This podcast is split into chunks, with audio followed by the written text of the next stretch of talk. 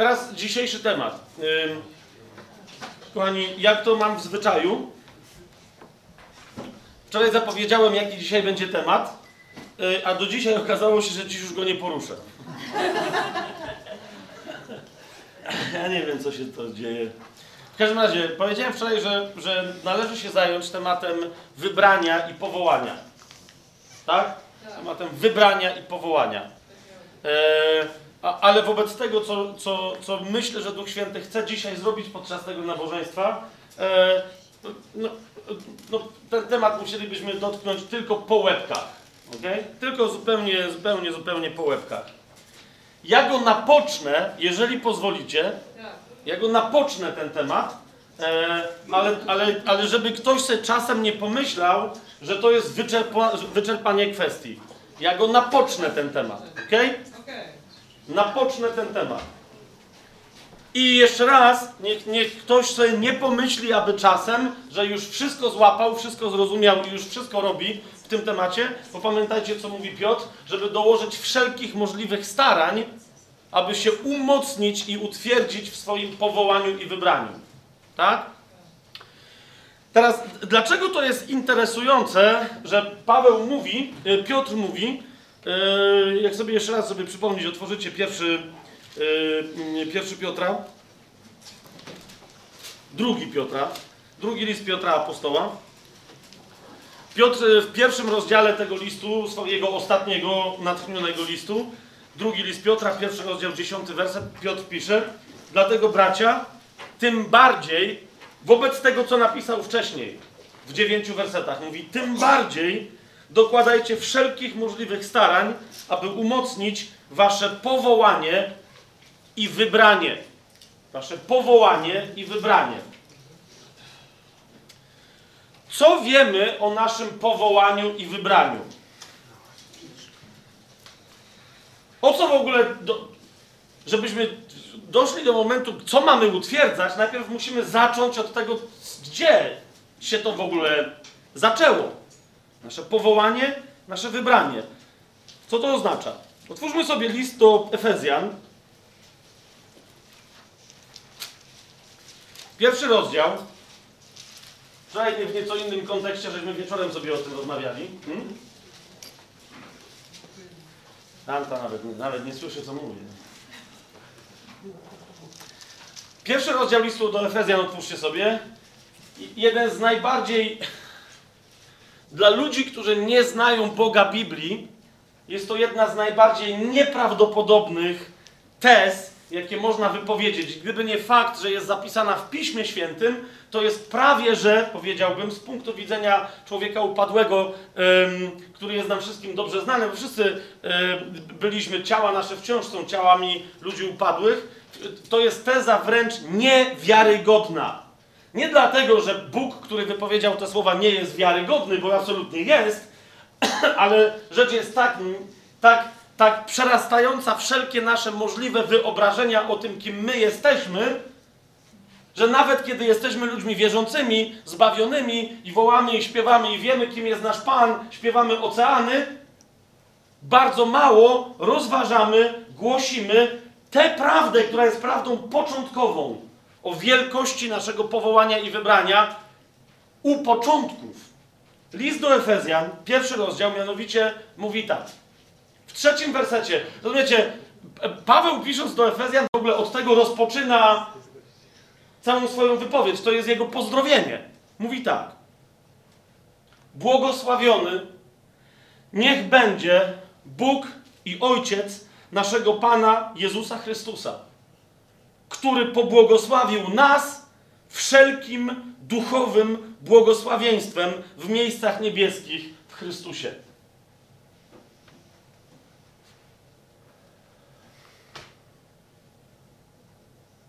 W tym momencie, w tym momencie powinniście niektórzy zacząć płakać tak do dołu, tak ze smutku, że o God, zapomniałem o tym. W ostatnim tygodniu tym nie żyłem. Inni powinni, jak mówi kabaret, mówię, zacząć płakać tak bardziej do góry, tak ze szczęścia, tak aha, aha. Wiecie, ja tu przeczytałem coś, co jest oszalałe. Przeczytałem coś, co jest oszalałe. I właśnie to, i to się dzieje. Wszyscy siedzą. I cieszą się w duchu. Ja was nie oskarżam, co się bronisz? Uważaj, uważaj, uważaj. Nigdy nie zdarzyło ci się podejść do kogoś, do brata i do siostry i powiedzieć mu, niech cię Bóg błogosławi? Zdarzyło się. No to nie postępuj więcej tak dalej.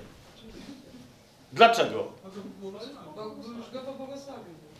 Może jeszcze jest jakieś błogosławieństwo, którym Bóg cię nie dobłogosławił. Coś więcej. Do, no wła- właśnie. Jeszcze raz. Jaki jest wyjątek od wszystko? Jak wszystko, to znaczy, że wszystko. Gdyby oprócz wszystkiego było jeszcze coś, to to wszystko to by nie było wszystko. Zgadza się? Jeszcze raz przeczytam w takim razie ten werset i niech na litość boską nie oczekuję religijnej reakcji od was, ale jeżeli do kogoś dotrze to, co jest tu napisane, to niechże potwierdzi imieniem pańskim, co słyszy. Imieniem pańskim, tym, y, którym zwykle potwierdzamy to, co potwierdzamy, o którym większość chrześcijan zdaje się zapominać, że jest imieniem pańskim. Chodzi mi o Amen. Amen to nie jest słowo rytualnie kończące modlitwę. Amen to jest imię Jezusa, jedno z Jego imion. I jak mi ktoś nie wierzy, niech sobie znajdzie w Księdze Objawienia, Jezus staje przed Kościołem i mówi, ja jestem Amen. Więc za każdym razem, jak mówisz Amen, pamiętaj, pamiętaj, że bierzesz imię Pańskie, więc nie bierz go nadaremno. Jeszcze raz, posłuchaj, co mówi Słowo Boże. Błogosławiony niech będzie Bóg i Ojciec naszego Pana Jezusa Chrystusa, który pobłogosławił, już, już nas pobłogosławił wszelkim możliwym duchowym błogosławieństwem w miejscach niebieskich w Chrystusie. Panu! Wiedziałem, że jest imię pańskie, Uhu! ale podoba mi się. Podoba mi, podoba mi się. To mówi Uhu! Może być chińskie tłumaczenie jak, jakiegoś Bożego imienia. Jest pan Wu-Tang i pan Wuhu.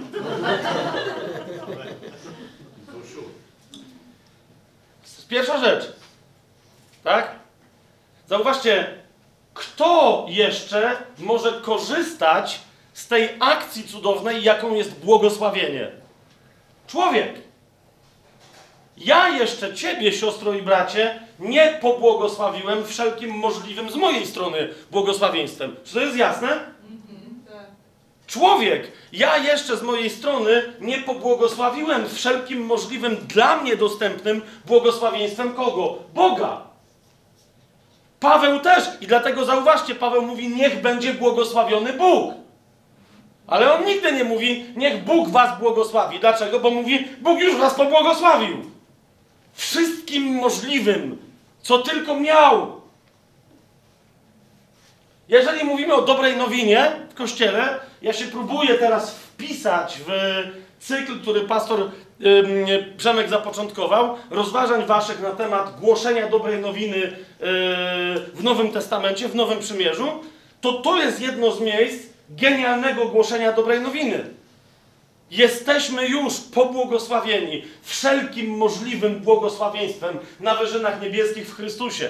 Ten, który umarł dla mojego i dla Twojego zbawienia, został wzbudzony z martwych przez swojego Ojca na potwierdzenie, że jego ofiara była ważna, został wzięty do nieba i zasiada po prawicy swojego Ojca na tym samym tronie co On. I w Nim, w Chrystusie, kiedy Ty się znajdujesz, a On w Tobie, masz wszelkie możliwe błogosławieństwo. Czy w to wierzysz? To po co się jeszcze modlisz? No nie wiecie. Tam ma, zobaczcie, jeden brat, tam się kończy ze śmiechem. Mówisz, No właśnie, no co jest grane? Czemu wciąż jeszcze mamy chrześcijan, którzy mówią, niech Cię Bóg błogosławi? Kiedyś z Reinhardem, bardzo bliskim mojemu sercu, coraz bliższym mojemu sercu, Reinhardem Hitlerem, rozmawiałem, w paru miejscach to opowiadałem. W trakcie rozmowy on sobie kichnął. Rozmawialiśmy po angielsku, więc powiedziałem mu, próbując być profesjonalnym anglojęzycznym chrześcijaninem, powiedziałem mu God bless you. Normalnie Amerykanie dzisiaj są zlaicyzowani, więc nie mówią kto cię błogosławi, tylko mówią bless you, nie wiadomo kto. Więc niektórzy czasem mówiąc, zamiast powiedzieć dziękuję, pytają się who, bless you, who. Ej. Ale ja powiedziałem stare, dobre, angielskie God bless you, niech cię Bóg błogosławi. Myślałem, że mi Reinhard w zęby tak jak mnie lubi. To wiecie, ja mówię God bless you, mówię no co ty, kichnąłeś. Wiem, że kichnąłem. Co ty jeszcze chcesz, żeby mnie Bóg błogosławił? No no wiesz, tak się mówi. No głupio mówi. Co ty jesteś wierzący? Jesteś wierny e, Słowu Bożemu, czy nie jesteś? Jestem. No to co masz tam? Wie, no, ja, no ja wiem, że jesteśmy pobłogosławieni wszelkim. Mówi, no to czego mi życzysz? Jak satanista. Prawie że. No rozumiesz, no słowo twoje ma moc, jest wyznaniem. Cały świat duchowy słucha wierzącego, co on gada, tak? To co mi mówisz, niech, niech cię Bóg błogosławi, Reinhard? Jestem pobłogosławiony wszelkim możliwym błogosławieństwem. To jak ci mam powiedzieć w takim razie na zdrowie? To sobie wymyśl, twórczy bądź kreatywny. Ten sek, ja tak, potem drugi raz rozmawialiśmy i, ja, i Reinhard sobie kichnął i patrzy na mnie, nie? Czy specjalnie tak nie kichnął, nie? Madzia, on, no nie, on, on tak, on by, wiesz, kichnął i patrzy. I ja mówię, you are blessed. A on mówi, indeed. Jesteś błogosławiony w rzeczy same. Dziękuję. Łatwo jest powiedzieć, że coś wiesz. Rozumiesz, łatwo jest powiedzieć, że coś wiesz, ale potem jest kwestia, czy ty rzeczywiście, że w to wierzysz. Potem jest kwestia, czy twoja wiara jest życiem tym, co masz. Jesteś pobłogosławiony wszelkim duchowym, pobłogosławiona już wszelkim możliwym duchowym błogosławieństwem. To widzisz, mam kolejne pytanie. Dlaczego w takim razie modlisz się? Nie mówię, że wszyscy tutaj, tak? ale, ale mnóstwo chrześcijan cały czas modli się, jakby i naprawdę mają taką postawę w sercu, jakby chcieli Boga przekonać, żeby uznał coś dla nich. Albo jakby chcieli Boga poinformować, rozumiesz, masz chorą córeczkę. Niech to będzie wzruszający yy, teatrzyk. Tak? Nie, że tam jakiegoś męża, dziada takiego jak ja. To niekoniecznie wzruszający, ale masz chorą córeczkę. Córeczka zawsze jest niewinna. Tak? I teraz popatrz, i teraz taki chrześcijanin przychodzi i mówi Fabian, no modlę się już troszeczkę do Boga i jakby nie widzę za bardzo, czy mógłbyś się przyłączyć i razem ze mną pomodlić do Boga? O co? O moją córeczkę. Co widzicie strasznego w tej scenie? Wszystko. Wszystko, ponieważ masz ojca, który nawet nie widzi, że myśli, że kocha swoje dziecko bardziej niż ojciec niebieski który myśli, że Ojciec Niebieski nie tylko nie kocha jego dziecka, ale i jego tym bardziej nie kocha, bo on się modli, a nic Bóg nie robi. Więc przychodzi do Fabiana, bo myśli sobie, że może ja mam lepsze chody u Boga, albo lepszą technologię, może on ma starą Nokię, a ja mam jakiegoś nowego iPhone'a boskiego, może nie wiem, na, na, na jakimś FaceTime'ie się skomunikujemy z Bogiem, może ja coś wiem lepiej. Rozumiesz, co w ten sposób on komunikuje sobie, że mnie, duchowemu światu, że co on myśli o Bogu? Że Bóg nie myśli o nim. Że dopiero musi go poinformować, że jego córeczka ma problem. Mówi, nie, nie, ja wiem, że Bóg wie. No to co ty w takim razie robisz? Mówi, no, no próbuję uzyskać dla mojej córki coś. Rozumiesz, o co mi chodzi? Co, no, nie, nieważne, co próbujesz uzyskać, to jest informacja, Boże, wiem, że w tym temacie Ty jeszcze nigdy nie pomyślałeś, co by się mogło wydarzyć, więc proszę Cię, czy mógłbyś teraz pomyśleć? Co ostatecznie jest prośbą o co? O nowe błogosławieństwo. A dopiero co przed chwilą tenże sam zawodnik krzyczał razem z wszystkimi przy moim pytaniu, dokładnie takim jak wam zadałeś. Czy mogę mieć to jakieś małe świadectwo i wielkie amen na temat, że jesteśmy pobłogosławieni wszelkim możliwym... Bo... I on krzyczał amen! Dlaczego? Ponieważ w swoim sercu i w swoim umyśle był przekonany, że jak odpowiednio głośno krzyknie amen, to albo sam siebie przekona, że w to wierzy, albo może to przekona Boga, żeby dostał błogosławieństwo, o którym on myśli, że jeszcze go nie ma.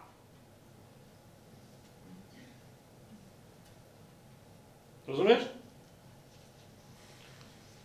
Dobra nowina wciąż, niektórzy mnie pytają, dlaczego mówię, że pięcioraka służba w kościele służy przede wszystkim kościołowi, a nie ludziom spoza kościoła. No mówię, bo tak jest napisane w Biblii, że ona służy wszystkim świętym. I niektórzy mnie pytają, ale po co wszystkim świętym ewangelista? Ewangelista jest przecież od głoszenia dobrej nowiny. Komu? No niezbawionym ludziom, żeby byli zbawieni. Zauważcie, co ja teraz robię. Głoszę dobrą nowinę. Komu? Zbawionym ludziom w większości. Żeby zrezygnowali tylko i wyłącznie z cieszenia się ze wstępu do dobrej nowiny, a zaczęli wreszcie żyć dobrą nowiną, która brzmi: Masz wszelkie duchowe błogosławieństwo. Jako córka tego fantastycznego ojca, jako syn tego błogosławionego, dobrego ojca, masz już u niego wszelkie duchowe błogosławieństwo. Masz tam dostęp, dzisiaj rano na modlitwie mówiliśmy, prosty, przez krew Chrystusa. Tak, o, list do Hebrajczyków mówi, że mamy śmiałość, bezczelną śmiałość, ponieważ przez Chrystusa jesteśmy usynowieni, mamy bezczelną śmiałość, po prostu w jednej chwili przez krew Chrystusa i, jak mówi Słowo Boże, przez rozdartą zasłonę Jego ciała, żeby wejść natychmiast, pomijając wszystkie korowody aniołów, archaniołów, cherubinów, serafinów, po prostu Cała ta ekipa czasem, rozumiecie, wiekami czeka, żeby się zbliżyć do tronu Bożego, klęknąć, rzucić kwiatki jak dziewczynka na Boże ciało i powiedzieć święty, święty, święty. I potem miliardy, miliard muszą przejść i ten sam anioł dopiero po jakimś czasie znowu jest przed tronem i znowu rzuca swoje kwiatki i mówisz, dobra, żeby nie było, że ja mówię, że anioły rzucają kwiatki. Wiecie o co mi chodzi? To jest i te anioły patrzą na nas z zazdrością, rozumiesz? Jak Słowo Boże mówi, chcą wejrzeć w tą tajemnicę. Jak to jest? Że oni, czyste duchowe istoty, muszą tam się kręcić, niekoniecznie mają dostęp, a my mamy po prostu, wiesz, jakby, wiesz, jest sala tronowa, ona jest ogromna, jakakolwiek istota, jak tam chce wejść, wchodzi 600 metrów, 520 tysięcy kilometrów dalej, pada na twarz i się wije, żeby się zbliżyć do tronu Bożego. I jak już się dowije i podnosi wzrok na Boga, nagle widzi, że tam jakiś bejbol. Co to jest? To jest e, pomieszanie bejsbola z dzieckiem. Czyli bezczelne dziecko. że po prostu, rozumiesz, wyobraźcie sobie mnie, niektórzy nie wierzą, że ja kiedyś byłem mały. I że jak byłem mały, naprawdę byłem stosunkowo sympatyczny, że byłem no, taki, że pokazałem kiedyś niektórym ludziom z kościoła moje zdjęcie, jak byłem mały, taki mały, że miałem miśka, który był większy ode mnie na tym zdjęciu i no, ja mówię, nie, chyba nie ty. I wyobraź sobie, że rozumiesz, ktoś nie taki mały, słodki, tylko taki jak ja. Rozumiesz? Ma lewe wejście do swojego taty tuż za jego tronem. Przez Chrystusa. I ci tam docierają do Bożego tronu, właśnie są w środku załatwiania swojej sprawy, mają jakąś petycję. Rozumiesz? A tu pff, wpada Fabian przed nich i mówi ta, ta, ta, ta, ta, ta, ty, bo jest sprawa. Ja mówię, no wiem, tutaj masz, no nie? Biorę, mówię, dzięk, pff, wylatuję. Rozumiesz? I teraz tamten anioł tak leży i mówi, no tak, no syn szefa, no co zrób. Kapujesz? Jesteś synem szefa, jesteś córką szefa, szefa szefów. Pan Jarzyna ze Szczecina, nieistniejący, kapujesz, musi czekać w kolejce jeszcze dłuższej niż tamte anioły. Rozumiesz, w świecie przestępczym, czyli w piekle, jesteś legendą. Jesteś legendą. W momencie, kiedy zaczynasz żyć jako taka legenda, syn szefa, córka szefa, w momencie, kiedy zaczynasz tak żyć, rozumiesz, w piekle podświetlają się twoje zdjęcia i pod spodem jest napis Attention! Really, but really dangerous people. Rozumiesz, pod naszymi zdjęciami tam jest demony, nie zbliżać się, to jest groźne. Naprawdę. Rozumiesz? Demony znają lepiej, jeżeli jesteś żyjącym pod takim błogosławieństwem chrześcijaninem czy chrześcijanką, demony znają lepiej twoją twarz niż twoi bracia i siostry. Dlaczego? Bo się ciebie boją i zapamiętują twoją twarz, żeby czasem przez przypadkiem gdzieś na ciebie nie wpaść. Pamiętasz synów Scewy? Egzorcystów żydowskich, którzy nie wierzyli w Jezusa, ale stwierdzili, że znają technologię. Przyszli i zaczęli wyrzucać demona, mówiąc w imieniu Jezusa, którego głosi Paweł. Pamiętacie, co powiedział demon na to? Mówi, o, Jezusa znam. O Pawle bardzo dobrze wiem. A wy kto jesteście? Kto jesteście? No nie ma waszych zdjęć w piekle. Dlaczego? Bo nie ma też waszych zdjęć w niebie. Po prostu. Nie jesteście dziećmi szefa. Dziećmi szefa się jest tylko przez pierwsze oryginalne dziecko szefa, czyli przez Syna Bożego, Pana Jezusa Chrystusa. Dalej, punkt drugi. Czwarty werset. Jak, jak Bóg pobłogosławił nas wszelkim możliwym duchowym błogosławieństwem. Także mamy wszystko i tylko mamy pojawiać się u Ojca, żeby od Niego brać. Nie musimy Go o nic prosić, nie musimy Go o, ni, o nic nagabywać, nie musimy Go przekonywać. Jak to kiedyś fantastycznie ujął brat Tymek, tu siedzący w pierwszym rzędzie, powiedział, siostro i bracie, do dzisiaj to pamiętam, było genialne, siostro i bracie, uwierz mi, raz w życiu, naprawdę nigdy pod żadnym pozorem nie chcesz przekonywać Boga, żeby zmienił zdanie na Twój temat. To jest to, co większość chrześcijan robi na modlitwie. Bo myśli, że Bóg nie ma o nich ostatecznie najlepszego możliwego zdania. I mówią, gdybyś tak łaskawie. I Tymek mówi, nie, Bóg o tobie myśli w ekstremalnie najlepszy możliwy sposób. Jakby zmienił ten swój sposób myślenia, to by było tylko gorzej. Już się boję, się już nie da lepiej, rozumiesz? Teraz jak się to wszystko zaczęło? Czwarty werset listu do Efezjan mówi, że zaczęło się to wszystko, i tu mamy temat wybrania i powołania.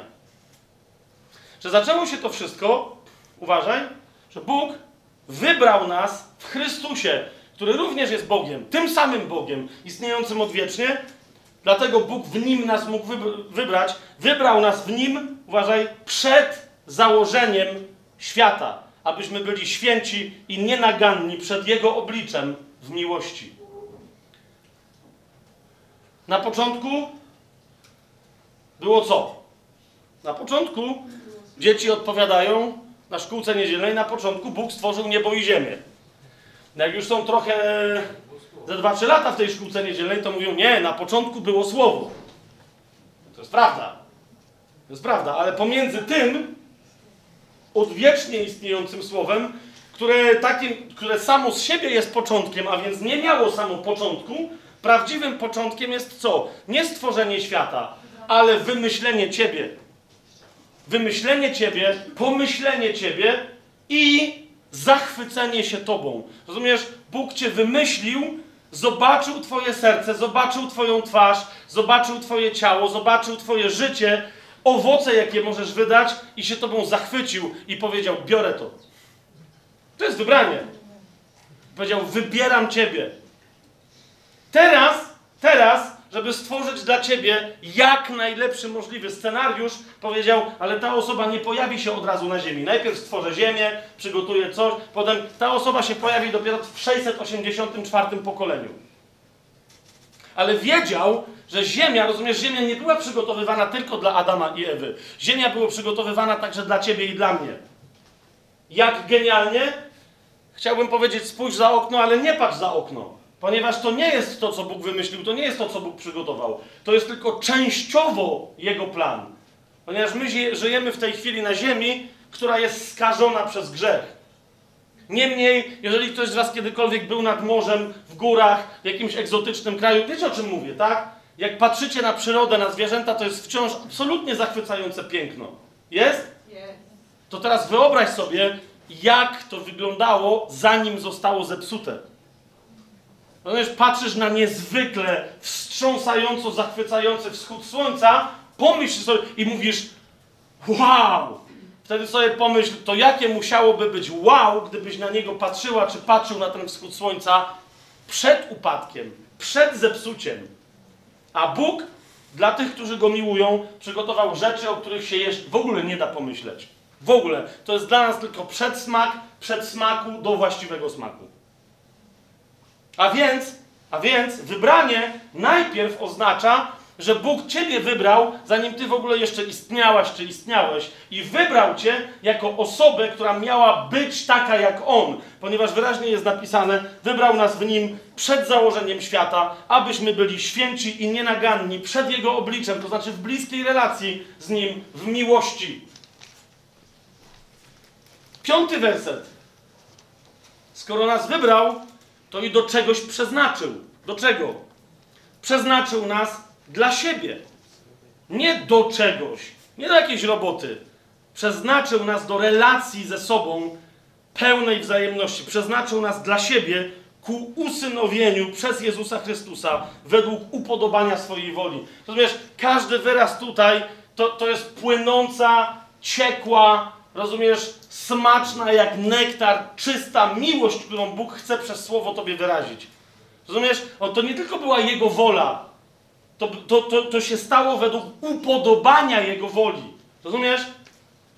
Bóg ma marzenia. Jednym z, z Jego marzeń jest mieć Ciebie przed swoim obliczem. Przytulić Cię i w ramach tego przytulenia zacząć Ciebie karmić swoją miłością i jednocześnie móc też karmić się Twoją miłością do Niego. Bóg to mówi. To nie jest tylko coś, czego On chce. Rozumiesz? To jest upodobanie Jego woli. To jest coś, czego On chce, ale tego sobie nie może zrobić, bo nie może Cię zmusić do miłości wzajemnej. A więc On o tym, co marzy. To jest upodobanie Jego woli. Marzy o tym, że Ty się choć trochę zakochasz w Nim tak, jak On w Tobie nieporównanie szaleńczo bardziej jest zakochany. Przeznaczył nas dla siebie ku usynowieniu przez Jezusa Chrystusa według upodobania swojej woli. Dla uwielbienia chwały, dalej mówi list do Efezjan, swojej łaski, którą obdarzył nas w umiłowanym, w którym mamy odkupienie przez Jego krew, przebaczenie grzechów według bogactwa Jego łaski. No i tu się pojawia drugi temat.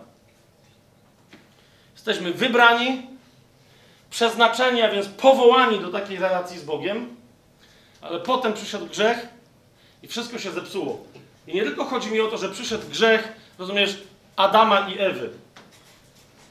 I ja wiem, że my w Polsce mamy mocne konotacje, nawet jeżeli ktoś nie był wychowywany w kościele rzymskokatolickim. To jest bardzo interesujące. Nawet jeżeli ktoś nie był wychowywany w kościele rzymskokatolickim i mówi, że nie ma nic wspólnego z tą kulturą, mój dziadek był żydokomunistą, mój ojciec był komunistą, ja jestem dzisiaj liberałem. Ostatnio mi tak mężczyzna jakiś powiedział, nie wiedziałem, że w ogóle żydokomuna to jest jakieś w niektórych kręgach nieobraźliwe, ale pozytywne określenie. Dla niego to było jak najbardziej pozytywne. Więc mówi, ja nie mam nic wspólnego z Kościołem katolickim. Po czym, rozumiecie, w pięciu krokach okazało się, że nie ma nic wspólnego, ale gdyby miał ustalić duchową historię świata, to absolutnie wierzy w grzech pierworodny. Ja mówię, skąd taka koncepcja, skoro nie masz nic wspólnego z Kościołem rzymskokatolickim? On mówi, no bo jest w Biblii. Co, Kościół rzymskokatolicki czy ta koncepcja? Mówi, Kościół nie, ale ta koncepcja jest. Gdzie? No nie wiem. Okazało się, że nie ma. Grzech pierworodny. Mianowicie, że tak naprawdę winni są Adam i Ewa. Cała reszta my no już niestety, no chcemy, nie chcemy, to nie jest nasza wina.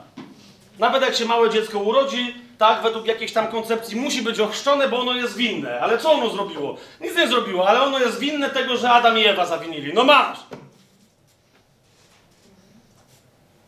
Żeby nie było, że się czepiam, to dla tych z was, którzy nie wiedzą, nie chcę, żeby ktoś jeszcze nie wiedział, ale gdyby ktoś nie wiedział, to jestem byłym księdzem rzymskokatolickim, więc wiem, wiem o czym mówię. Pamiętam swoją teologię, na której przepytywałem profesorów, to jak, jak jest, dlaczego, jak, jak grzech, który nie jest grzechem, może być takim grzechem, że może niewinne dziecko sprowadzić do piekła. Nikt nie był w stanie mi na to odpowiedzieć, ale to jest jedna z podstawowych doktryn. Jak nie wierzycie mnie jako byłemu księdzu, że tak jest, to na tej sali, jeżeli będzie, no chyba się będzie chciał ujawnić, ale nie będę go teraz pokazywał, ale ja tu nie jestem jedynym byłym księdzem, obczajacie? Nie, nie dość, że nie jestem tu jedynym byłym księdzem, to jest tu jeszcze oprócz tego drugiego mojego byłego współbrata, ziomka księdza, jest przynajmniej jeden człowiek, który był w seminarium. E, Nie, nie został księdzem, ale był. Także rozumiecie, ludzi, którzy tu na tej sali, którzy studiowali teologię rzymskokatolicką, jest więcej. Powiedzą wam to samo. Doktrynę grzechu pierworodnego wyłożą wam tak o, ale uzasadnienia nie sądzę, żeby któryś panowie, nie dobra, nie, ale no, wiecie o co mi chodzi, no nie? Nie, ja teraz do tych panów mówię, co wiedzą bardziej. E, Ale,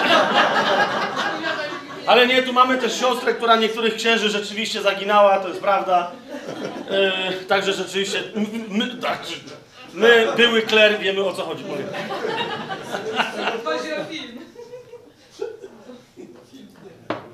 Tymczasem, kochani, to nie, nie, to nie, to, to nie jest tak, że oczywiście chwałę tego świata pierwsi ludzie zepsuli, którą Bóg im dał.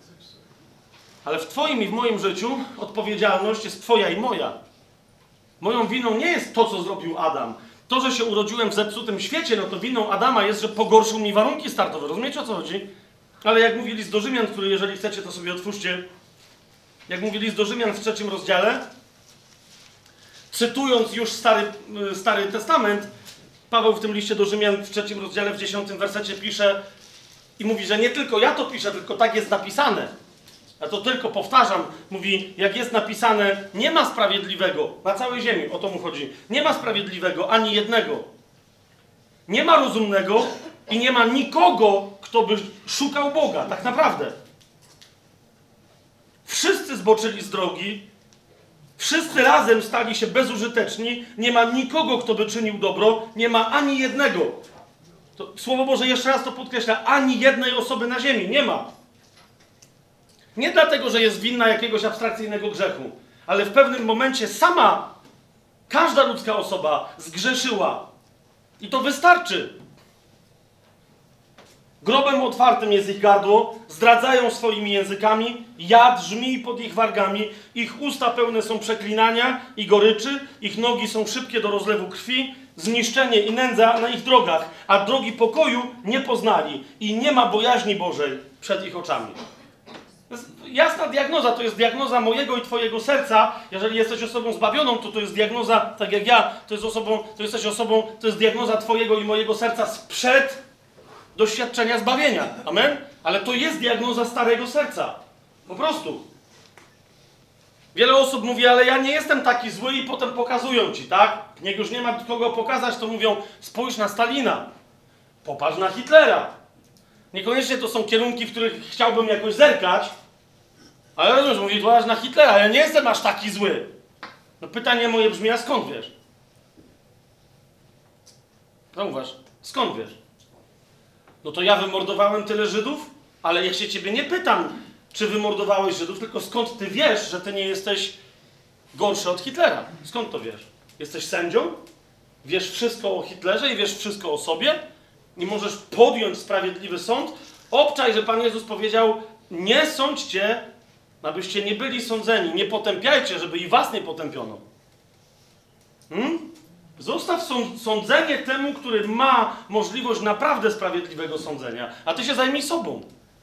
Niezależnie od tego, jak grzesznik namnoży swoich grzechów, rozumiesz, de facto jest winny od pierwszego. I jeżeli popełni pierwszy, jeden, jedyny grzech, który będzie odwróceniem się od Boga, bo grzech, za, grzech zawsze jest czymś takim, jest skażeniem samego siebie, a więc odpadnięciem od Boga, bo Bóg nie może zostać On święty z czymś, co jest nieświęte, po prostu. Nie to, że On się wycofuje, tylko my wtedy odpadamy.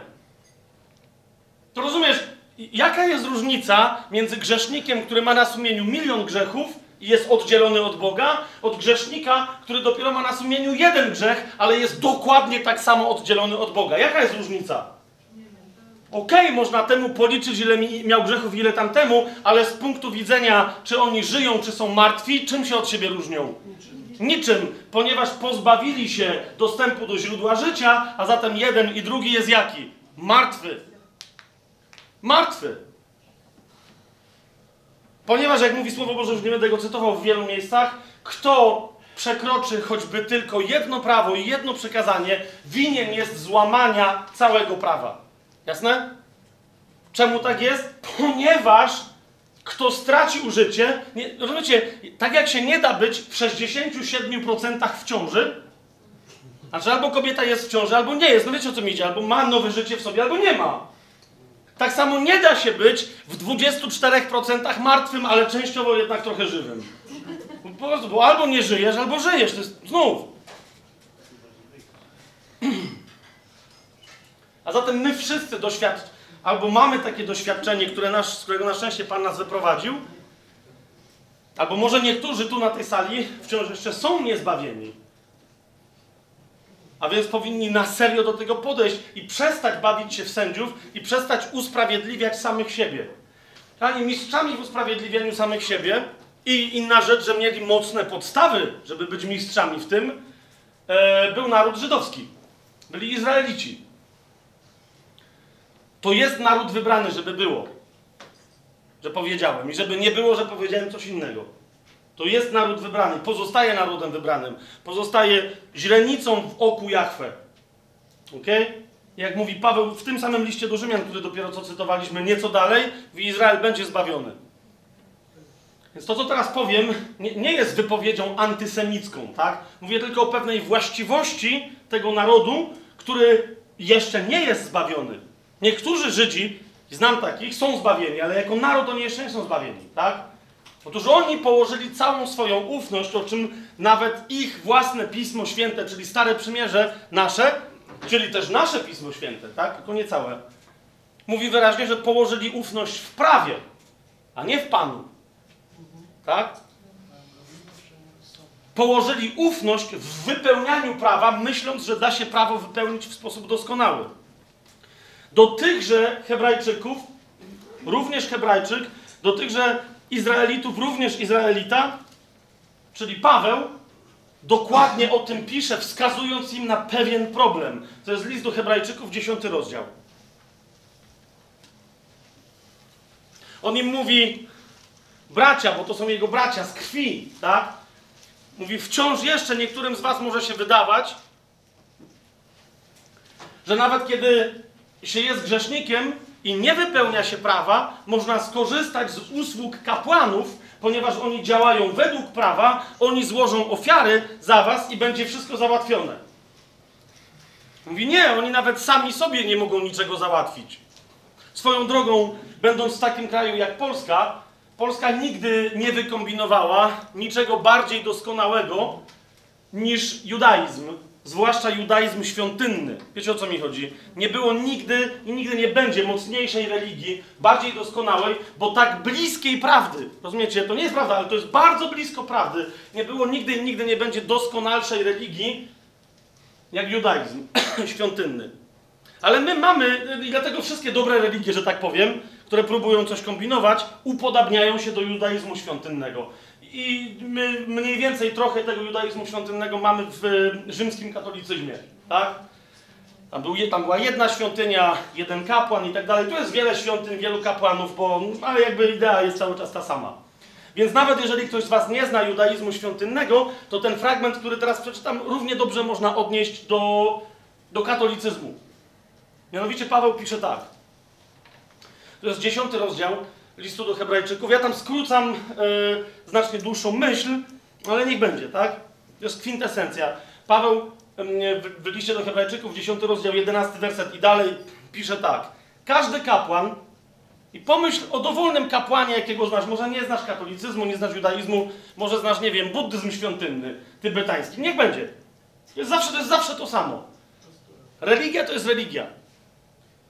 Każdy kapłan, mówi Paweł, staje codziennie do wykonywania służby Bożej, wiele razy składając te same ofiary, które nigdy nie mogą zgładzić grzechów.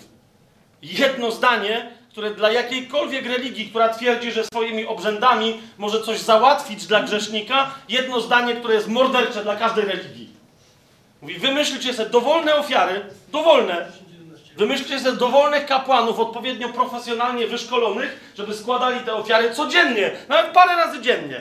Żadna z nich grzesznikowi nie zgładzi ani pół grzechu. Rozumiesz? To jest... nie, nie, jak ktoś chce potem ze mną dyskutować, okej, ale tak mówi Słowo Boże. Po prostu czytam.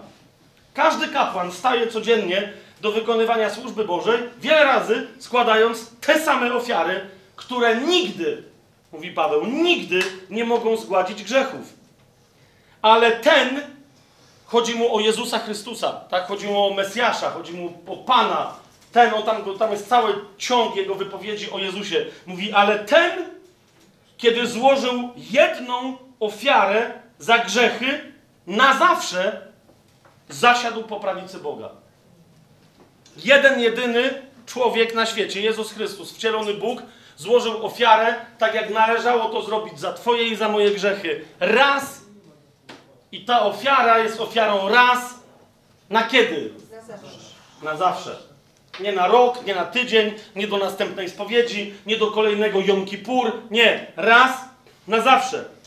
Oczekując odtąd, aż jego nieprzyjaciele będą położeni jako podnóżek pod jego stopy. Jezus jest Panem i zmierza pewnym krokiem do absolutnego, pełnego zwycięstwa. Amen? I Paweł dalej kontynuuje tę myśl w 14 wersecie. Mówi, jedną ofiarą Jezus uczynił doskonałymi, jeszcze raz powtarza, zauważcie, Jezus uczynił doskonałymi, jedną ofiarą Jezus uczynił doskonałymi na kiedy? Na zawsze tych, którzy są uświęcani. Na zawsze. Raz na zawsze, jedną ofiarą. A poświadcza nam to także Duch Święty, bo powiedziawszy najpierw, takie jest przymierze, które zawrę z nimi po tych dniach, mówi Pan, włożę moje prawa w ich serca i wypiszę je na ich umysłach. A potem dodaje, a ich grzechów i nieprawości nigdy więcej nie wspomnę. Taka jest ofiara. Jezus umarł za moje i za Twoje grzechy, za to, co zepsuło oryginalne wybranie i powołanie. Jezus umarł raz, złożył ofiarę raz i to jest ofiara, która marze wszystkie moje i Twoje grzechy na zawsze, a Bóg uroczyście mówi, to jest część nowego przymierza. To jest część tej wspaniałej, dobrej, nowej nowiny. Że nigdy więcej Twoich grzechów nie wspomnę. Dlaczego? Bo są zmazane. Ja nie udaję, że jest zmazane, ale pod spodem miałem kalkę i mam kopię. Nie, Jezus jest uczciwy, Ojciec jest uczciwy, Duch Święty jest uczciwy i mówi: Nigdy więcej Twoich grzechów nie wspomnę. Gdzie zaś jest odpuszczenie, takie jak to bym dodał, 18 werset mówi, gdzie zaś jest odpuszczenie, tam już nie potrzeba więcej kolejnej ofiary za grzech. Raz na zawsze. I tutaj Paweł mówi, mając więc bracia śmiałość, aby przez krew Jezusa wejść do najświętszego miejsca, drogą nową i żywą, którą zapoczątkował Jezus dla nas przez zasłonę, to jest przez swoje ciało, i my, mając wielkiego kapłana, czyli Chrystusa nad domem Bożym, zbliżmy się ze szczerym sercem w pełni wiary, mając serca oczyszczone od złego sumienia, a ciało obmyte czystą wodą. Jak można w swoim życiu odrestaurować oryginalny zamysł Boży, kiedy się jest grzesznikiem?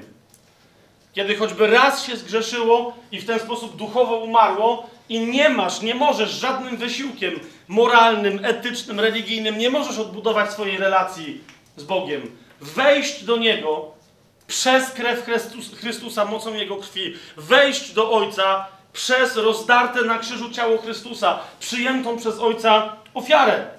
Wejść do Niego, jak mówi Słowo Boże, ze szczerym sercem, w pełni wiary, mając te serca nasze oczyszczone od złego sumienia. A więc serca się czyszczą przez wiarę, wiara zaczyna wyznawać ustami, później kolejnym krokiem jest chrzest, tu jest mowa o ciele obmytym czystą wodą. Ale o chrzcie dzisiaj nie będę mówił. Najpierw te pierwsze kroki. W co masz uwierzyć? Czy to rzeczywiście jest takie proste? Powiedz mi, kiedy Bóg wybierał ciebie i mnie, co przeczytaliśmy w liście do Efezjan. Rozumiesz, nie było niczego. Świata nie było, gwiazd nie było, ziemi nie było, wody nie było, zwierząt nie było, roślin nie było, nic nie było. Marzenie Kononowicza. Nic nie było. Ciebie nie było, mnie nie, nic nie było. Bóg zobaczył ciebie w swoim marzeniu i powiedział: Chcę tej osoby. Powiedz mi, co musiała Twoja osoba wcześniej zrobić, żeby Bóg Cię wybrał? Nic. To dlaczego w takim razie wciąż jeszcze niektórzy, nawet wśród chrześcijan, są tak zszokowani, że zbawienie, a więc odrestaurowanie tego oryginalnego stanu jest za darmo? Łaską bowiem, mówi list do Efezjan, jesteście zbawieni przez wiarę, nie z uczynków. To jest Boży dar, za darmo, żeby się nikt nie chlubił. Amen? Rozumiecie, niektórzy mówią, te- też niewierzący mówią, no ale to jest dziwne, powinniśmy sobie jakoś zapracować. Jak sobie zapracowałeś na to, żeby w ogóle być stworzonym? Niektórzy wręcz to podejmują jako usprawiedliwienie. Ja się na ten świat nie prosiłem. To się z niego wyproś. Niektórzy w ciężkiej depresji się wypraszają. Ale to jest dramat. Wiemy o tym, że to jest tragedia. Więc rozumiesz, co trzeba było, czym sobie zasłużyłeś ty, nawet jak nie wierzysz w Boga, wobec swoich rodziców, że akurat se zrobili ciebie, a nie kogoś innego. Oni też nie wiedzieli, co się dzieje. Wszystko w Bożych rękach. Niczym. Więc rozumiesz, teraz jeżeli to jest zepsute przez mój grzech, to dlaczego Bóg miałby się ode mnie domagać jakiegoś wysiłku? On chce odnowić to, co oryginalnie zdecydował. Czy to jest jasne? Jedyne, co mam uczynić, to uwierzyć w sercu, że ta jedna ofiara, którą Chrystus złożył, jest ważna. Dlaczego? Ponieważ Ojciec potwierdził tę ofiarę, wskrzeszając go z martwych. Powiedział: Tak, to jest ta ofiara. I dlatego list do Rzymian, wróćmy do niego, dziesiąty rozdział, mówi: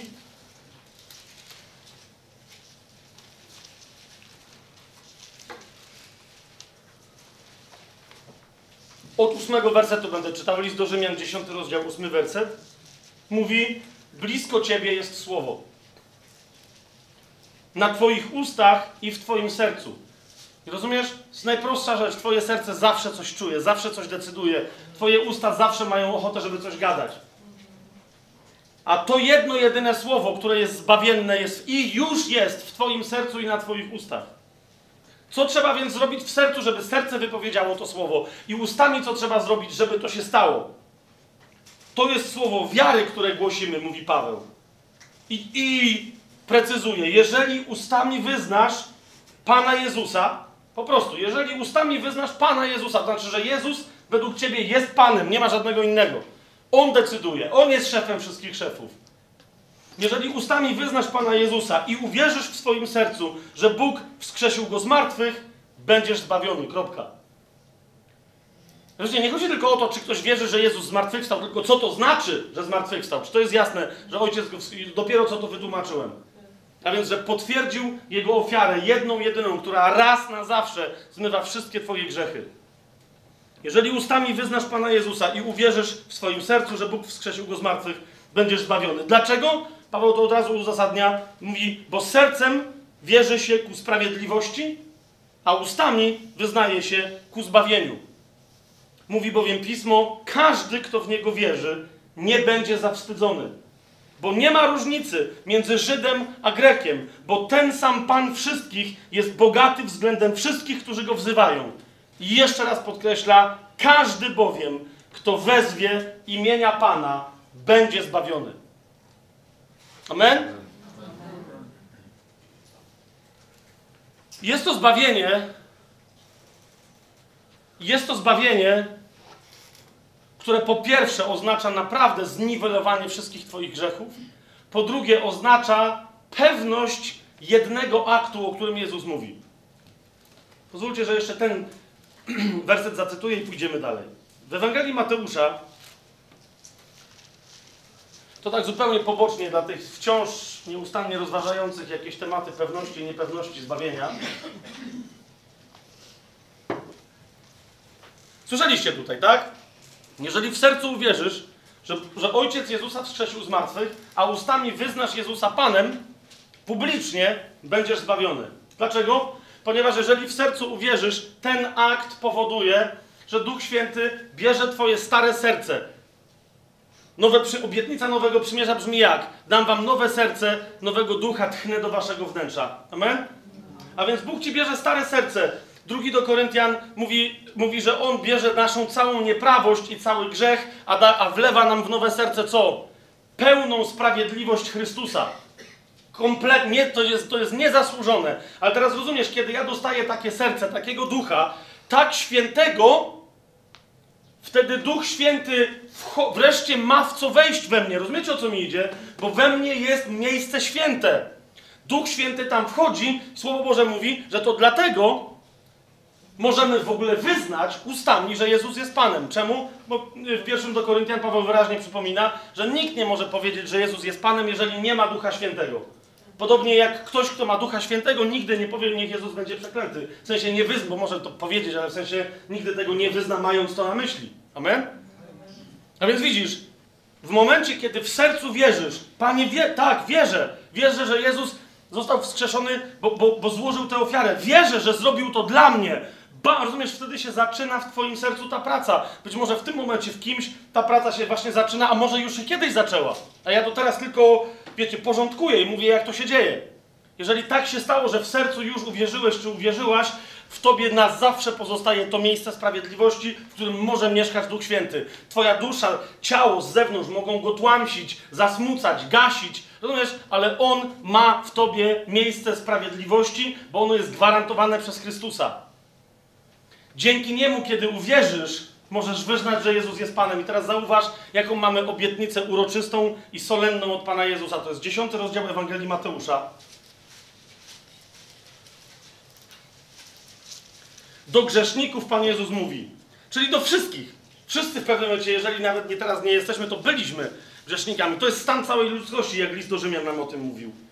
Do grzeszników Pan powiedział, nie bójcie się tych, którzy zabijają ciało, ale nie mogą zabić duszy. Wy się bójcie raczej tego, który może i duszę, i ciało zatracić w ogniu piekielnym. Czyli kogo? Diabła. Teraz zauważcie, jak Biblia jest precyzyjna. Człowiek składa się z czego? Z ciała i z duszy? Zbawiony człowiek składa się z ciała, duszy i ducha. Niech niepokalany duch wasz, dusza i ciało, mówi Paweł w pierwszym do Tesaloniczan, tak? Ale kiedy człowiek jest niezbawiony, nie ma tego nowego ducha, to ten stary duch w zasadzie jakby nie istniał, a więc jest duszą i ciałem. Zatem Pan Jezus mówi, ludzie, którzy są niezbawieni, którzy nie mają ducha w sobie, którzy chodzą jak dusza i ciało, ludzie zmysłowi, ludzie cieleśni, ludzie, którzy nigdy się do mnie nie przyznali, wpadną wreszcie w łapy diabła, ponieważ on może takiego człowieka, który składa się z duszy i ciała, wtrącić do piekła. Bójcie się raczej tego, który może i duszę, i ciało zatracić w piekle. Ale jednocześnie mówi, czy nie sprzedają dwóch wróbli za pieniążek, a jednak żaden z tych wróbli nie spadnie na ziemię bez woli waszego ojca. Dodaje, mówi, nawet wszystkie włosy na waszej głowie są policzone. Więc jednocześnie mówi, nie bójcie się. Jeżeli jesteś grzesznikiem, to się bój diabła, ale jeżeli zaczynasz widzieć w Ojcu kogoś, kto jest ci przychylny, a jest, Jezus mówi, to wtedy nie bój się, bo jesteś cenniejszy niż całe tłumy wróbli. Jeżeli on się troszczy o wróbelka małego, jakże zatroszczę się tym bardziej o ciebie. Więc jeszcze raz, bo niektórzy mówią, ale Jezus nie głosił prostej Ewangelii tak, jak my później głosimy. Naprawdę? Mówi wyraźnie, tu jest człowiek zbawiony, yy, niezbawiony idzie do piekła, ale ojciec się troszczy o ciebie, może cię uratować. Masz wszystkie włosy na głowie policzone. Wszystko jest w jego rękach, tylko co musisz zrobić? Uważajcie. 32 werset. Każdego więc, kto mnie wyzna przed ludźmi, Jezus jest Panem. Każdego więc, kto mnie wyzna przed ludźmi i ja wyznam przed moim Ojcem, który jest w niebie. Ile Jezus będzie czekał, jak ty go wyznasz jako swojego Pana? Ile Jezus ma czekać, żeby cię wyznać przed Ojcem? Musi sobie kupić bilet, wsiąść w tramwaj, pojechać na lotnisko, kupić następny bilet, wsiąść w samolot, polecieć do nieba? Nie, ponieważ on siedzi po prawicy Ojca. Rozumiesz? I w momencie, kiedy ty mówisz, Jezu, ty jesteś moim Panem, on się odwraca i mówi, tata, słyszałeś, nie? Ja mówi, nie, udaję, że nie słyszał. Nie, nie wiem, o co chodzi. Mówi, to jest Fabian na dole, powiedział, że ja jestem Panem. Ojciec mówi, ła, no to gościu jest nasz. Rozumiesz? Każdy więc, kto mnie wyzna przed ludźmi, i ja wyznam jego przed moim Ojcem, który jest w niebie. I tylko tego, kto się mnie wyprze przed ludźmi, i ja się wyprę przed moim Ojcem, który jest w niebie. Nie dlatego, że go nie lubię, tylko rozumiesz, Jezus nikogo nie będzie ciągnął na siłę. W Ewangelii Jana mówi wyraźnie: Ja nikogo nie potępiam. Ale kto we mnie nie wierzy, już sam siebie potępił. Mówi, to ja nie, ja tego nie robię. Ja nie przyszedłem na ten świat, żeby go potępiać, ale żeby go zbawić. Tylko, żeby cię zbawić, potrzebuję Twojej wiary i Twojego wyznania. Twojej wiary i Twojego wyznania.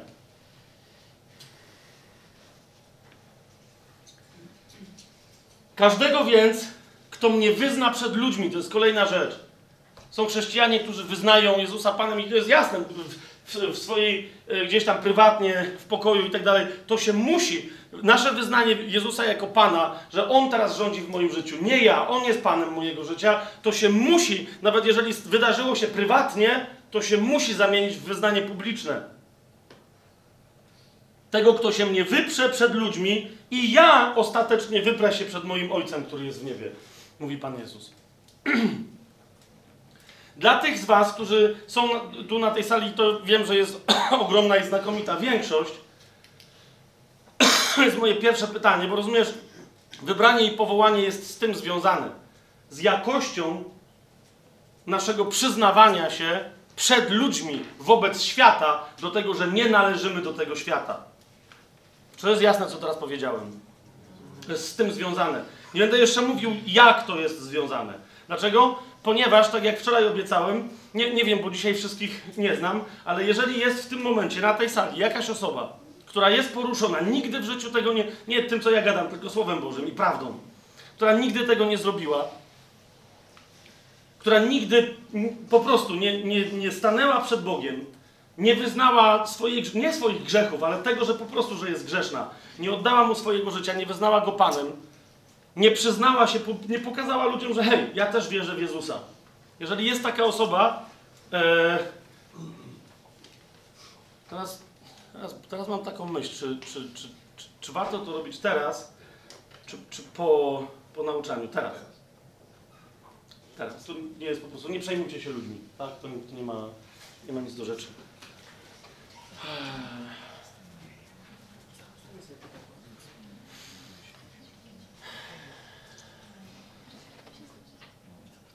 Duchu Święty jest prawdą, że, że to nie my, bo my nic nie potrafimy w tego typu sytuacjach, ale tylko Ty jeden jesteś ewangelistą, który wzbudza nas jako ewangelistów. Ty, jeden mówisz do nas, wykonaj dzieło ewangelisty i dzięki Tobie to dzieło możemy wykonać. Ty jeden jesteś tym, który przychodzi, żeby przekonać o grzechu, o sprawiedliwości i o sądzie, żeby przekonać o grzechu, jak powiedział Pan Jezus, bo nie wierzą w Niego. Więc, żeby dotknąć serce człowieka, który jeszcze nie wierzy, który jeszcze nie wyznał, by uwierzył. O sprawiedliwości, ponieważ władca tego świata został już osądzony.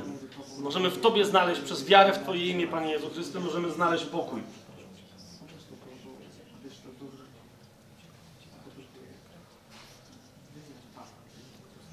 O sądzie. Ty siedzisz po prawicy Ojca. Ty już zwyciężyłeś, siedzisz po prawicy Ojca i wstawiasz się za nami. To jest sprawiedliwość, że siedzisz jako gwarant naszej sprawiedliwości, nie my naszymi wysiłkami. Dzięki Ci, Panie Jezus. Dzisiaj, Panie Jezu, dziękujemy Ci, e, ponieważ nigdy nie będzie dość dziękować za, za dzień i moment naszego zbawienia. Ja Ci dziękuję, Panie, za, za, za to, że kiedy przyszła do mnie Twoja łaska, że miałem też tę łaskę, żeby nie odepchnąć Twojej łaski. Dziękuję Ci, Panie, bo, bo mogło się tak stać. Dzięki Ci, Panie, że dałeś mi pełną wolność, ale jednocześnie, że tak nalegałeś, że w ramach tej wolności wybrałem Ciebie. I dzisiaj jeszcze raz publicznie wobec braci i sióstr, Panie, przyznaję, że tak, Ty jesteś Panem w moim życiu.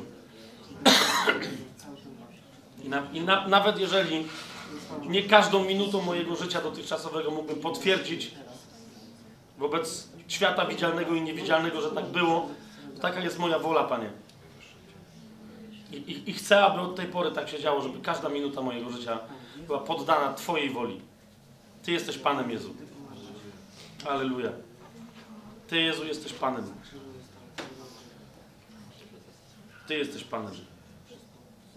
Dziękujemy Ci też za to, że, że sami będąc tylko wybawionymi, narodzonymi na nowo, byłymi grzesznikami, że wciąż chcesz się nami posługiwać, aby głosić prawdę, aby docierać ze świadectwem Twojej mocy kolejnych ludzi, którzy zwiedzeni szli na stratę, zmierzali często radośnie ku swojej zgubie, ale się opamiętali, odwrócili i zaczęli iść we właściwym kierunku, którym jesteś Ty, właściwą drogą, którą jesteś Ty, mając w sobie jedno jedyne życie wieczne, którym jesteś Ty. Halleluja.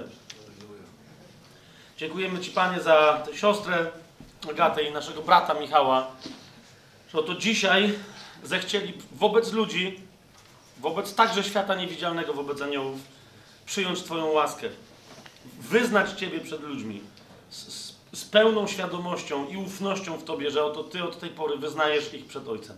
Amen. Dzięki Ci, Panie. Natomiast, kochani, teraz chcę powiedzieć o czymś, kontynuując wczorajszy dzień i robiąc przygotowanie pod temat e, bycia powołanym i bycia wybranym. kluczem do tego połączenia, do jeszcze rozjaśnienia wczorajszych tematów, które tu poruszaliśmy i tych, które, jak Bóg da, to poruszymy, jest słowo wola. Jest słowo wola. Najważniejsza, jedyna, bo pełna miłości i tylko i wyłącznie dobrych intencji wobec nas jest wola kogo? Wola Ojca. Amen? Ale teraz widzisz, ta wola jest wolą kogoś, kto jest miłością, a miłość oczekuje wzajemności w tym, kim jest.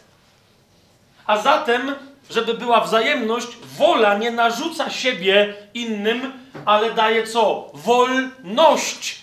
A więc wolność wyboru. Da, wola udziela woli innym, żeby w ramach wolności tej swojej woli zdecydowali się na tego, który im dał tę autonomiczną wolę. Czy to jest jasne, co teraz powiedziałem w miarę?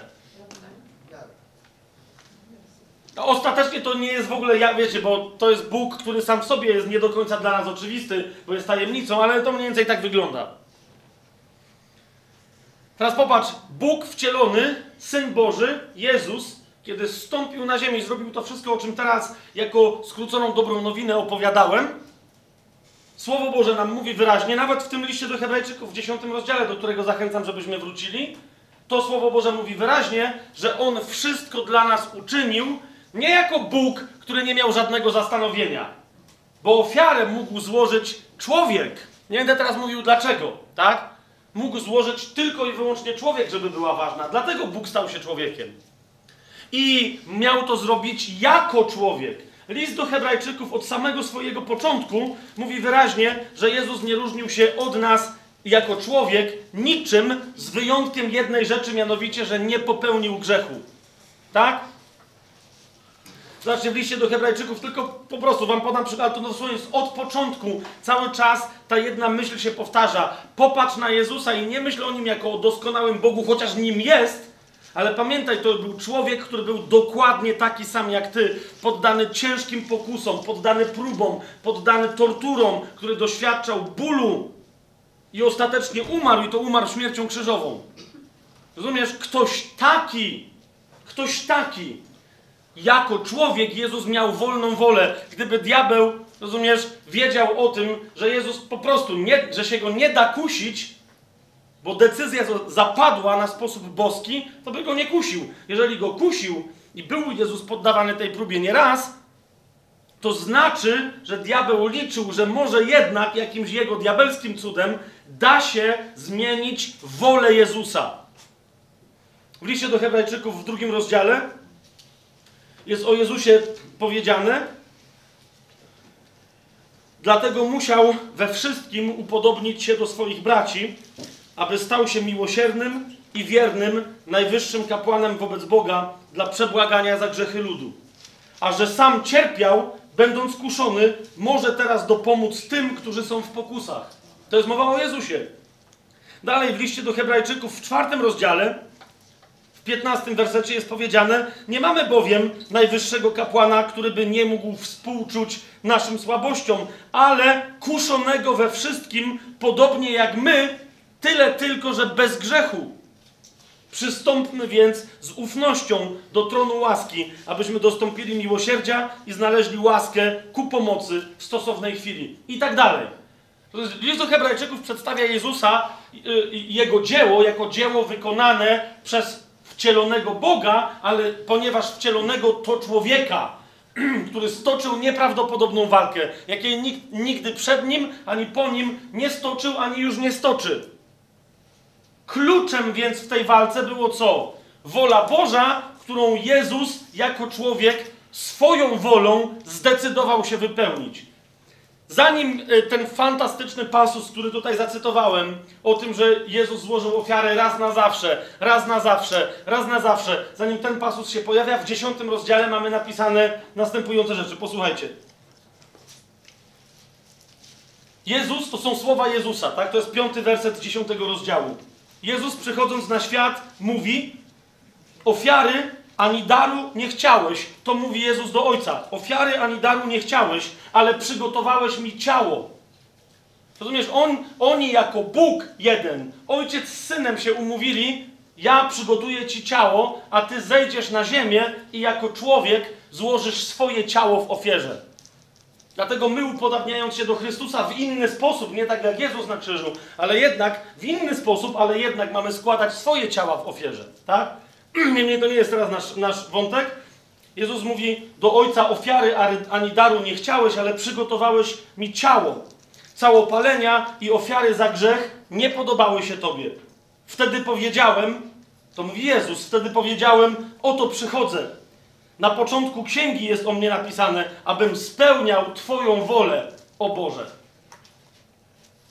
Powiedziawszy wyżej, ofiar, darów, całopaleń i ofiar za grzech nie chciałeś i nie podobały się Tobie, choć składa się je zgodnie z prawem, następnie mówi, oto przychodzę, abym spełniał Twoją wolę, o Boże. I Paweł podkreśla, że w ten sposób Jezus znosi pierwsze przymierze, aby ustanowić przymierze jakie? Nowe. Ale teraz uważajcie, kluczowy tekst. Za sprawą tej woli, za sprawą tej woli jesteśmy uświęceni przez ofiarę ciała Jezusa Chrystusa raz na zawsze. W całym tym, pierwszym, w całym tym dziesiątym rozdziale tu się pojawia ta ofiara raz na zawsze. To jest ofiara za sprawą tej woli. Oryginalnie to jest wola Ojca dla nas, ale potem masz wolnego człowieka, Jezusa Chrystusa, który w ramach swojej wolnej woli podejmuje decyzję. To jest Jego wola, aby wypełnić wolę Ojca. Ojciec mu zostawia wolność i on najpierw ma pełną wiarę w syna, aby syn podjął wolną decyzję, a on ma miłość do ojca i mówi: Twoja wola jest moją wolą. Moja wola podejmuje kompletną zgodę na Twoją wolę. Teraz widzisz, dlaczego o tym mówię? Ponieważ my, jako chrześcijanie, zapominamy kompletnie o sile woli w naszym życiu. Rozumiesz, całe nasze nowe życie, nowe narodzenie rozpoczyna się od aktu woli.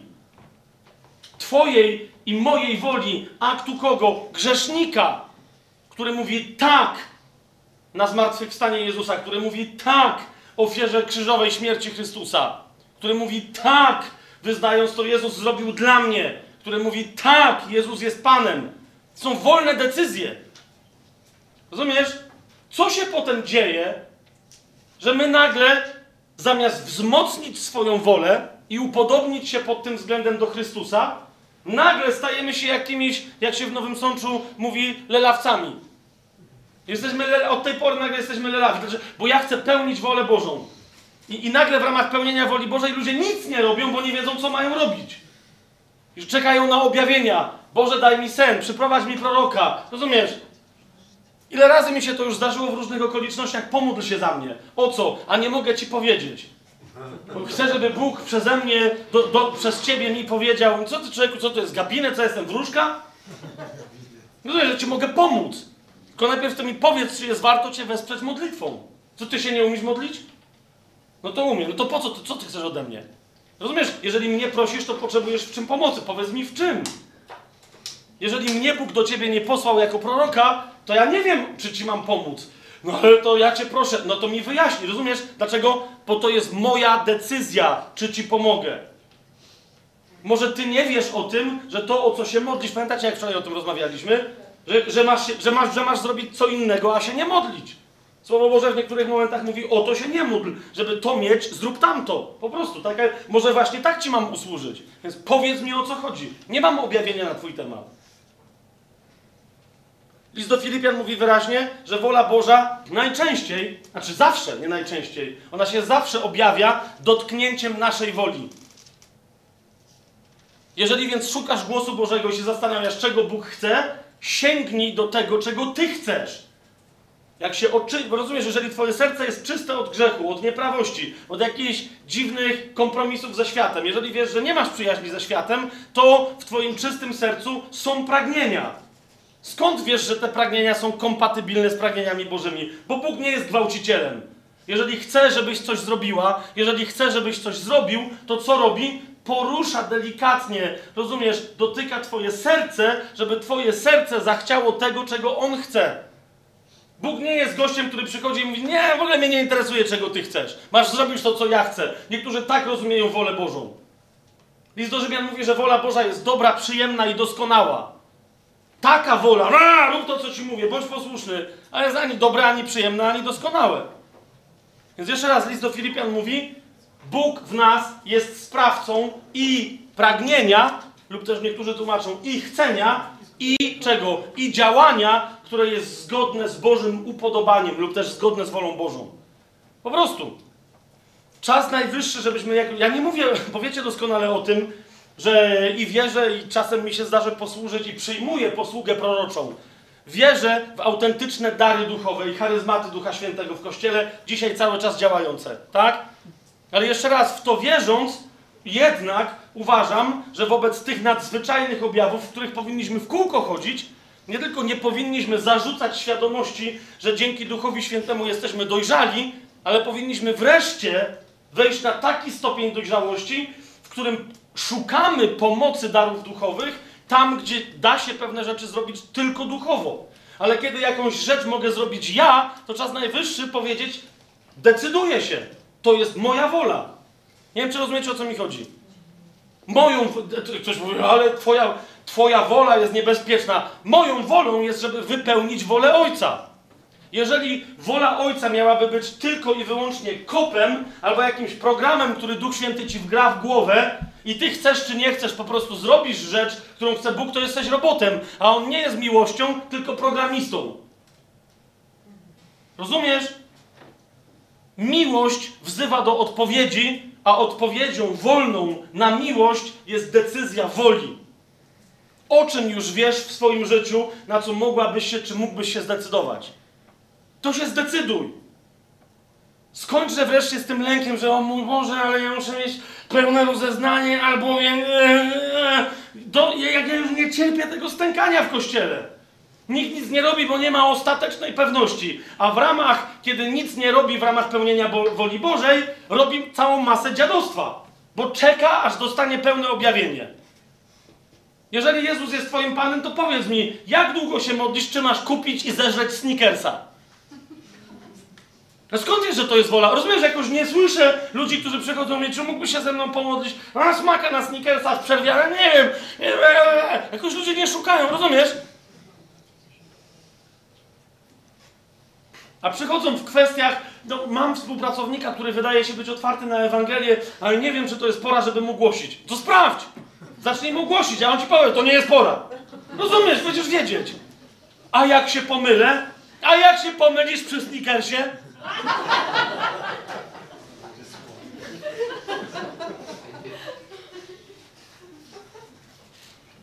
W pierwszym do Koryntian i mam poważną ochotę, żeby powiedzieć, że to jest ostatni cytat, którym się dzisiaj posłużę. Ale potem. Więc tak na próbę, może mi się pierwszy raz w życiu uda. Może Lublin wiele rzeczy otwiera, więc nam, w każdym razie z Krakowa, tu zawsze, więc powiem, dobra, to jest ostatni cytat, którym się dzisiaj posłużę.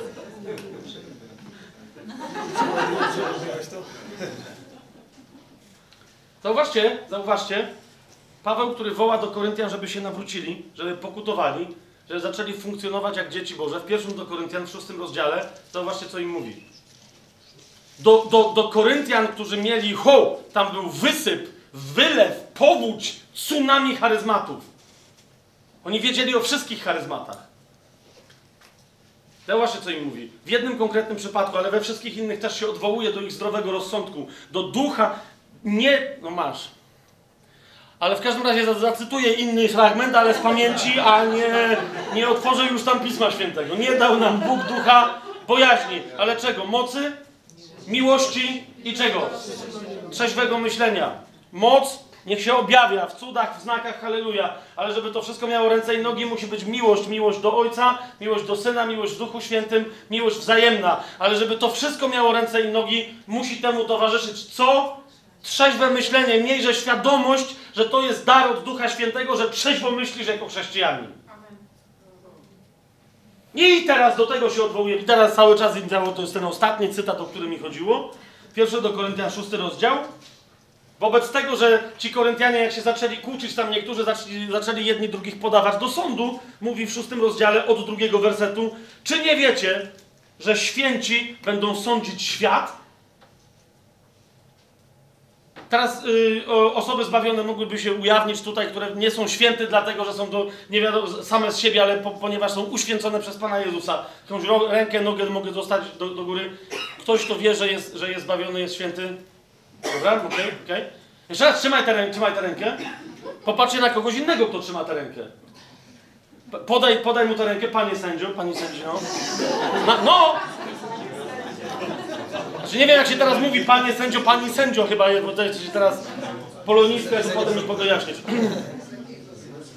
Jeszcze raz, rozumiesz, święty w Chrystusie jest między innymi przeznaczony w przyszłości do tego, obczaj, żeby sądzić świat. Co, dlaczego teraz chcesz mieć cokolwiek wspólnego z czymś, co za chwilę będziesz sądzić? Przestań, że być przekupnym sędzią, który się zadaje z mafią. Ej! Czy nie wiecie, że święci będą sądzić świat, a jeżeli świat będzie sądzony przez was, to czy nie jesteście godni osądzać sprawy pomniejsze? Sami z siebie, bez cudownych niebieskich objawień, po prostu. Czy nie wiecie, że będziemy sądzić również aniołów? Mówi Paweł. To co dopiero sprawy doczesne. Jeżeli więc macie do osądzenia sprawy doczesne, ustanawiajcie ewentualnie sędziów. O, teraz uważajcie, bo teraz niektórzy mówią, że no, Paweł tu się wypowiedział, żeby dowartościować. Rozumiesz, Paweł naprawdę wierzy w to, że każdy, nawet wyglądający na największego, wybaczcie mi określenie, ale po prostu, tak? Niektórzy mają to w głowie, ale nigdy nie chcą powiedzieć. Otóż każdy wierzący, człowiek zbawiony, który przyjął Chrystusa, tak jak Michał czy Agata przed chwilą, zaczął żyć życiem Bożym, nawet jeżeli w Twoich oczach nie chcesz się do tego przyznać, bo jesteś pobożną osobą, ale wygląda Ci na ciężkiego debila. Rozumiesz? Ten ktoś, nie na bazie naturalnych predyspozycji, ten ktoś będzie sądzić aniołów i już jest do tego przeznaczony w duchu Bożym. Rozumiesz? Paweł mówi, jeżeli nadal chcecie się sądzić między sobą, to zauważcie, jaka jest jego propozycja. Mówi, jeżeli więc macie do osądzenia sprawy doczesne, ustanawiajcie sędziami najmniej poważanych w kościele. Czujecie to? Najmniej poważanych w kościele. Jest jakaś siostra? Kto kiedyś do mnie przyleciał, jeden, jeden e, jakiś tam po- pomocnik pastora, nie, nie znam się na tych wszystkich, tam nie wiem kto to był. Kiedyś pomagał pastorowi, witali się z drzwiami, był jeden profesjonalny pastor, a ten czasem się witał, a czasem poprawiał drzwi pastorowi, żeby go tam nie czasnęły. I on do mnie przyleciał i mówi, ale mówi, przecież jakby tak było, mówi, mamy jedną siostrę y, w tym, w kościele. I ona przyjęła Chrystusa i zasadniczo ten, ale ona się zmaga cały czas.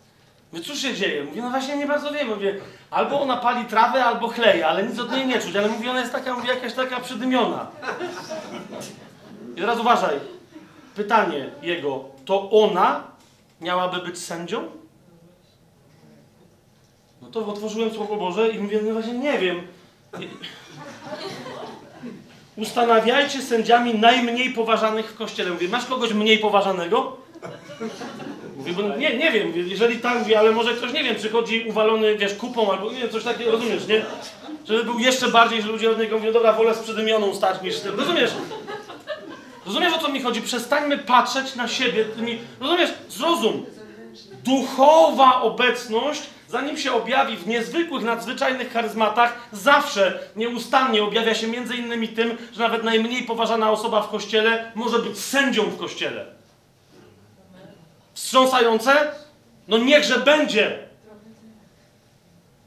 Ma w sobie wolę, aby pełnić wolę Ojca. Ma w sobie wolę, aby pełnić wolę Jezusa, bo On jest Panem. Gdyby to było za trudne, Słowo Boże by powiedziało, 16% ludzkości może wyznać, że Jezus jest Panem, reszta musimy zrobić dla nich jakąś religię, bo oni to powiedzą, ale nie zrobią, nie są w stanie. A Słowo Boże coś takiego mówi? Nie, mówi każdy, kto w Niego uwierzy, każdy, kto Go wyzna, będzie mieć co? Dokładnie to samo, co wszyscy inni.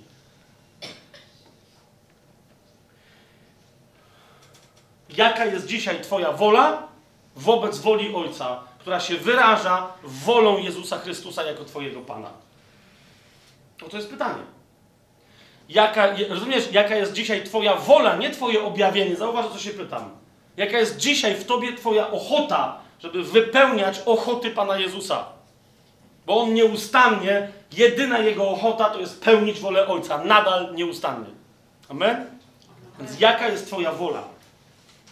Jak pogodzisz swoją wolę z wolą Twojego Pana i one staną się jedno, zobaczysz, co się wtedy będzie działo. I mam na myśli kolejny cytat, którym bym rozpoczął, ale to miał być ostatni. W tym miejscu powinno się rozpocząć nauczanie na temat tego, czym jest powołanie i wybranie. Bo dzięki tej, temu odrestaurowaniu pierwotnego wybrania, zauważcie, że tam była, było najpierw wybranie, a potem powołanie. Kiedy my jesteśmy zbawieni, Piotr mówi powołanie i wybranie, odwraca kolejność. Dlaczego? Ponieważ my wracamy do tego, co było na początku z dalekiej podróży. Dziś dla nas powołanie i wybranie znaczą coś jeszcze innego. Ale co to jest? To jak nas znowu kiedyś zaprosicie, to obiecuję i będę się tego trzymać, że od tego zaczniemy. Jak od tego zaczniemy, to może przez sobotę do niedzieli skończymy. A więc jak nas jeszcze raz zaprosicie, to będzie ciąg dalszy powołania i wybrania tego tematu, aby się w tym umacniać. Amen. Amen. Amen.